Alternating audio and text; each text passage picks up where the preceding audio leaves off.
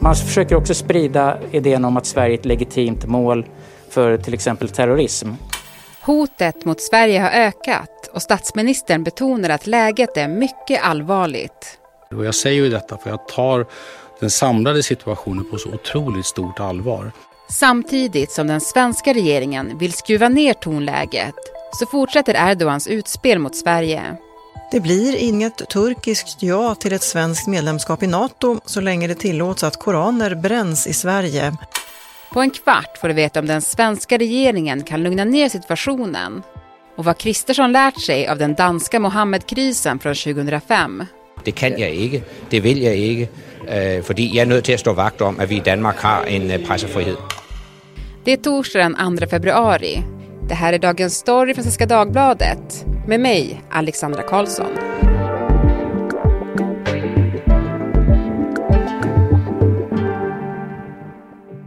Jesper Sundén, Mellanösternanalytiker här på Svenska Dagbladet. Du, du är med mycket i podden nu Jesper. Ja, en hel del faktiskt. Mm. Det är kul. Mm. Jag tycker det känns jätteskönt att vi har dig att hålla i handen när läget nu är så himla skakigt som det är. Vi ska prata om eh, hotbilden mot Sverige. Jag tänkte vi skulle börja i tisdags, för då kallade ju statsministern alla partiledare till ett möte för att informera om det säkerhetspolitiska läget Sverige befinner sig i. Och efter det höll han en presskonferens med ett tydligt budskap. Trots att vi tycker olika i NATO-frågan eh, bör kunna enas om att försöka ta ner själva tonläget eh, och komma tillbaka till en bra samtalsdialog med andra länder. Vad tänkte du efter den här presskonferensen? Jag tänker att eh, det finns ju många orsaker till oro. Dels så handlar det ju om, om den här eh, försenade NATO-processen, eh, eller avbrutna NATO-processen. Sen handlar det ju också om hotet om att miljarder människor kommer att bojkotta svenska varor och svenska företag som, som det har uppmanats om i, i sociala medier Eh, runt om i den muslimska världen. Och sen finns ju också eh, det som är lite mer diffust om, om ja, hot om, om våld mot, mot svenska mål. Mm. Vi ska gå in på alla de här aspekterna i avsnittet och jag tänkte att vi skulle börja lite grann i Turkiet och hur känslorna är där. För att det här kommer ju då efter att en Erdogan-docka hängdes upp vid Stadshuset i Stockholm och efter att Rasmus Paludan brände en koran utanför Turkiets ambassad. Om vi börjar i Turkiet då, hur, hur upprörda är känslorna där just nu?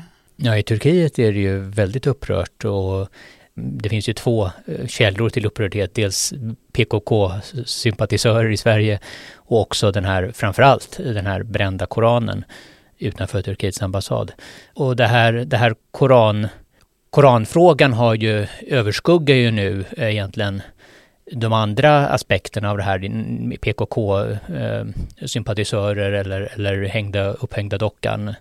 Och det är ju dels för att eh, det, det är någonting som, som verkligen upprör eh, troende muslimer, men också kanske för att det är också mycket mer, ett mycket mer verksamt medel i, i Erdogans ja vad ska man säga, kampanj inför valet, eh, det turkiska valet i maj. Att, att vara den, den stora ledaren, den stora muslimske ledaren, eh, inte bara i Turkiet utan för, för en hel muslimsk värld och, och som, som tar ställning mot Sverige i den här frågan. Mm. Och när vi spelar in här, det är på onsdagen, då kom ju eh, uppgifter från turkisk media att Erdogan har sagt att så länge Sverige tillåter att man bränner Koranen kommer han säga nej till NATO. Så han fortsätter ju. Just det.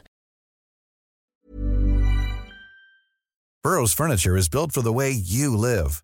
From ensuring easy assembly and disassembly to honoring highly requested new colors for their award-winning seating, they always have their customers in mind. Their modular seating is made out of durable materials to last and grow with you. And with Burrow, you always get fast, free shipping. Get up to 60% off during Burrow's Memorial Day sale at burrow.com slash ACAST. That's burrow.com slash ACAST. burrow.com slash ACAST. Och det är ju inte bara i Turkiet som det varit starka reaktioner, utan det är ju även i andra delar av den muslimska världen. Alltså hur stora har de protesterna varit? Ja, det har varit jättestora protester i, i framförallt i Asien, i Afghanistan, i Pakistan, i Malaysia, Indonesien Eh, och faktiskt även i Jemen eh, där det var en enorm demonstration i huvudstaden Sanaa. Eh, och delvis handlar det här nog, nog om att Turkiet har en speciell roll. De, de är AKP är ju ett islamistiskt parti och, Turkiet ger stöd till islamister runt om i världen och har gjort under lång tid. Och eh, därigenom så har de ett, ett inflytande som är större än, än många andra länders. Och då är det många, de har haft lättare att få fram det här budskapet som ju sen också eh, genuint upprör många muslimer. Mm.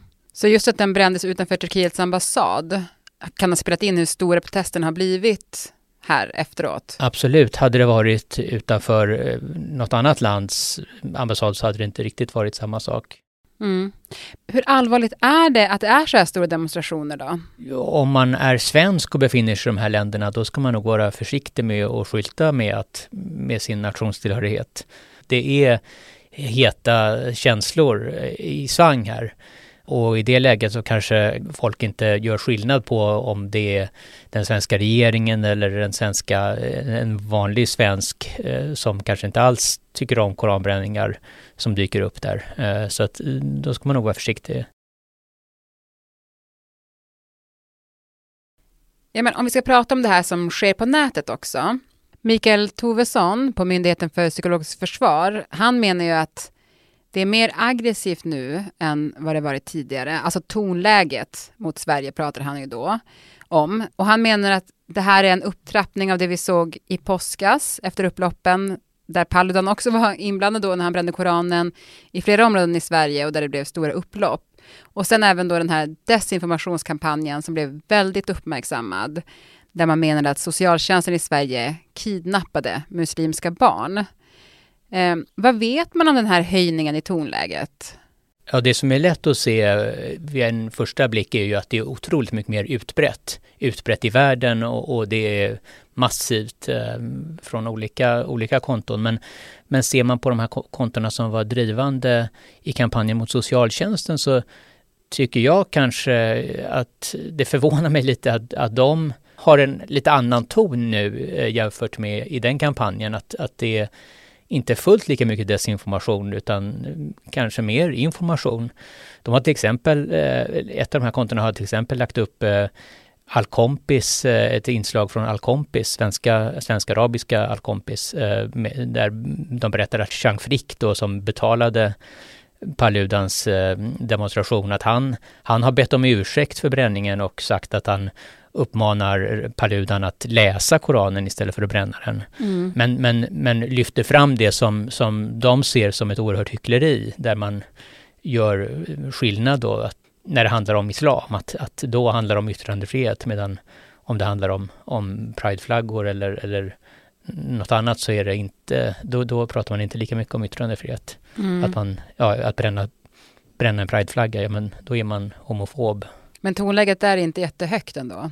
Inte, som jag, inte utifrån det som jag har kunnat se när jag har sökt igenom. Mm. De kanske lyssnat på statsminister Ulf Kristersson då? Att man ska ja, ta det sen, lugnt med det. Sen finns ju samtidigt eh, det som, som Säpo har varnat för att eh, i den här massiva mängden av, av ilska på sociala medier mot Sverige så, så kan liksom, ja, det kan vara, det kan vara hotdrivande eh, att trots allt så, ja, så eldas det på med ilska mot Sverige och där kan det komma att påverka enskilda individer som kanske är extrema och som kan få en impuls att, att begå attentat mot Sverige eller svenska intressen. Men hur orolig ska man vara för det då? Ja, enligt Säpo så finns det ju omkring 2000 våldsbejakande islamistiska extremister i Sverige. Och risken finns ju att de skulle kunna triggas av den här omfattande ilskan som finns mot Sverige för att agera och, och, och göra någonting. Och även eh, svenska friidrottslandslaget eh, tvekar ju om de ska åka till Istanbul och där, där det kommer vara fri, friidrotts-EM om en månad. Och det är ju ett väldigt publikt eh, event såklart så att det finns ju risk att, att någon vill ta tillfället i akt och liksom protestera mot Sverige eller göra någonting mot Sverige där och då. Mm. Så att det, det, det får ju, har ju redan fått konsekvenser. Och det som en del nämner som ett skräckexempel här är ju vad som hände i Danmark 2005 efter Jyllandspostens publiceringar av Mohammed-karikatyrerna. Alltså, kan du ta oss tillbaka lite grann till vad som hände i Danmark efter det? Ja, eh, efter att Jyllandsposten hade publicerat de här karikatyrerna så var det ju först danska eh, muslimer som, som protesterade mot det här. Men det fick väldigt snabbt ett, en, en spridning, de här protesterna, över hela världen. Och det var ju vad Danmark, i Danmark beskrivs det som den, den största eh, utrikespolitiska krisen sedan andra världskriget. Och det var flera länder i Mellanöstern som bröt sina diplomatiska förbindelser med Danmark. Adskillige mister livet under optøjerne, och danska ambassadörer reser hem. Jag tror också att man brände faktiskt, eh, det var danska ambassader som sattes i brand faktiskt i, i, eh, i Mellanöstern. Krisen kulminerer, da de danske ambassader i Syrien, Libanon och Iran blev sat i brand. Och det här var ju, jag ledde ju då till en köpbojkott också av danska varor och företag som, som kostade Danmark miljard, många, många miljarder. Mm. Och eh, det, det var ett hårt slag mot, mot Danmark. Och det här, det tog ju ungefär ett år eh, innan, innan eh, Danmark hade lyckats återskapa de här diplomatiska förbindelserna med muslimska länder och, och att det blev någorlunda lugnt. Mm. Eh, och ingen vill ju att det ska bli som det blev i Danmark där 2005, att det blir så allvarligt. Vad kan man göra, eller vad kan regeringen göra för att hantera det här nu och att det inte ska eskalera? Ja, en lärdom från, som man gjorde i Danmark, det var ju det att i början av den här krisen så ja, behandlade eh, statsminister Fogh Rasmussen, han, han behandlade det här helt och hållet som att det var en fråga om yttrandefrihet. Och budskapet var, men vi tillämpar yttrandefrihet, vi kan inte lägga oss i vad tidningarna gör. Man avvisade ett möte med muslimska ambassadörer som ville diskutera den här frågan och, och Rasmussen sa, nej men det, det, är, inget, det är yttrandefrihet. Det kan jag inte, det vill jag inte, øh, för jag är nødt till att stå vakt om att vi i Danmark har en øh, pressefrihet.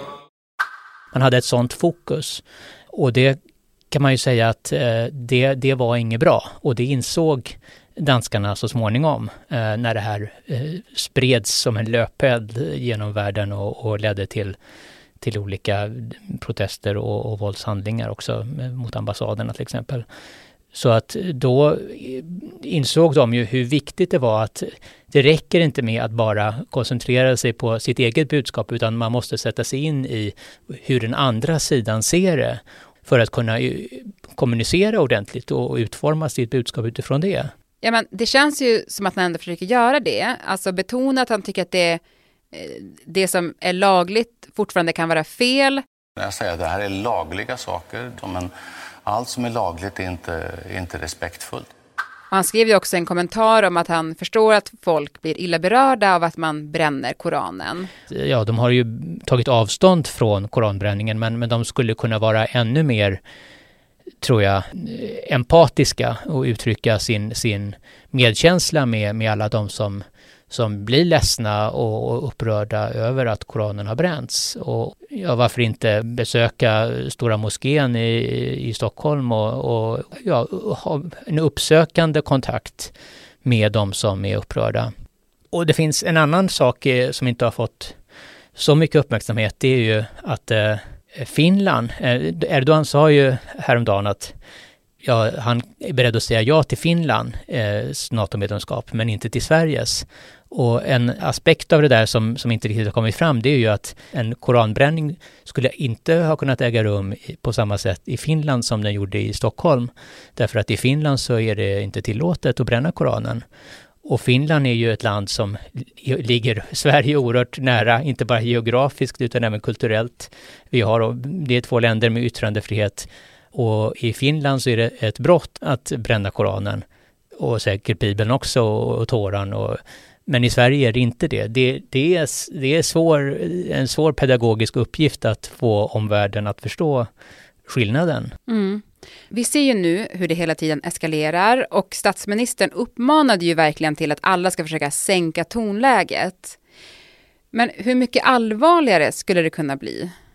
Ja, beroende på hur regeringen hanterar det här så, så kan det bli mycket allvarligare, men det kan också bli, man kan också gjuta olja på vågorna här och, och visa att ja, genom symboliska handlingar, till exempel att besöka Stora moskén i, i Stockholm eller, eller muslimska företrädare, kanske muslimska ambassadörer och, och visa sin, sin, uttrycka sin medkänsla och, och empati och, och, och, på ett personligt plan.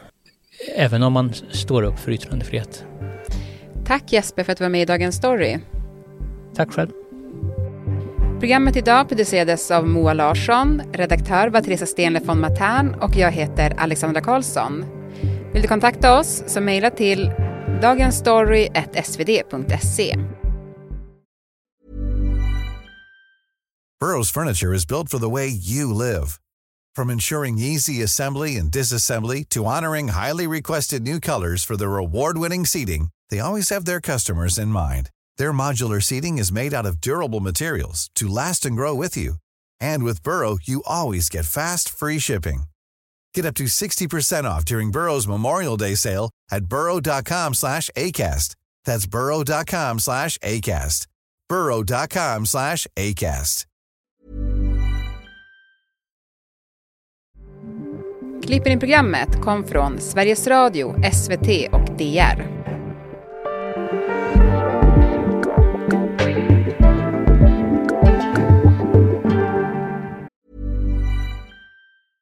Flexibility is great. That's why there's yoga. Flexibility for your insurance coverage is great too. That's why there's United Healthcare Insurance Plans.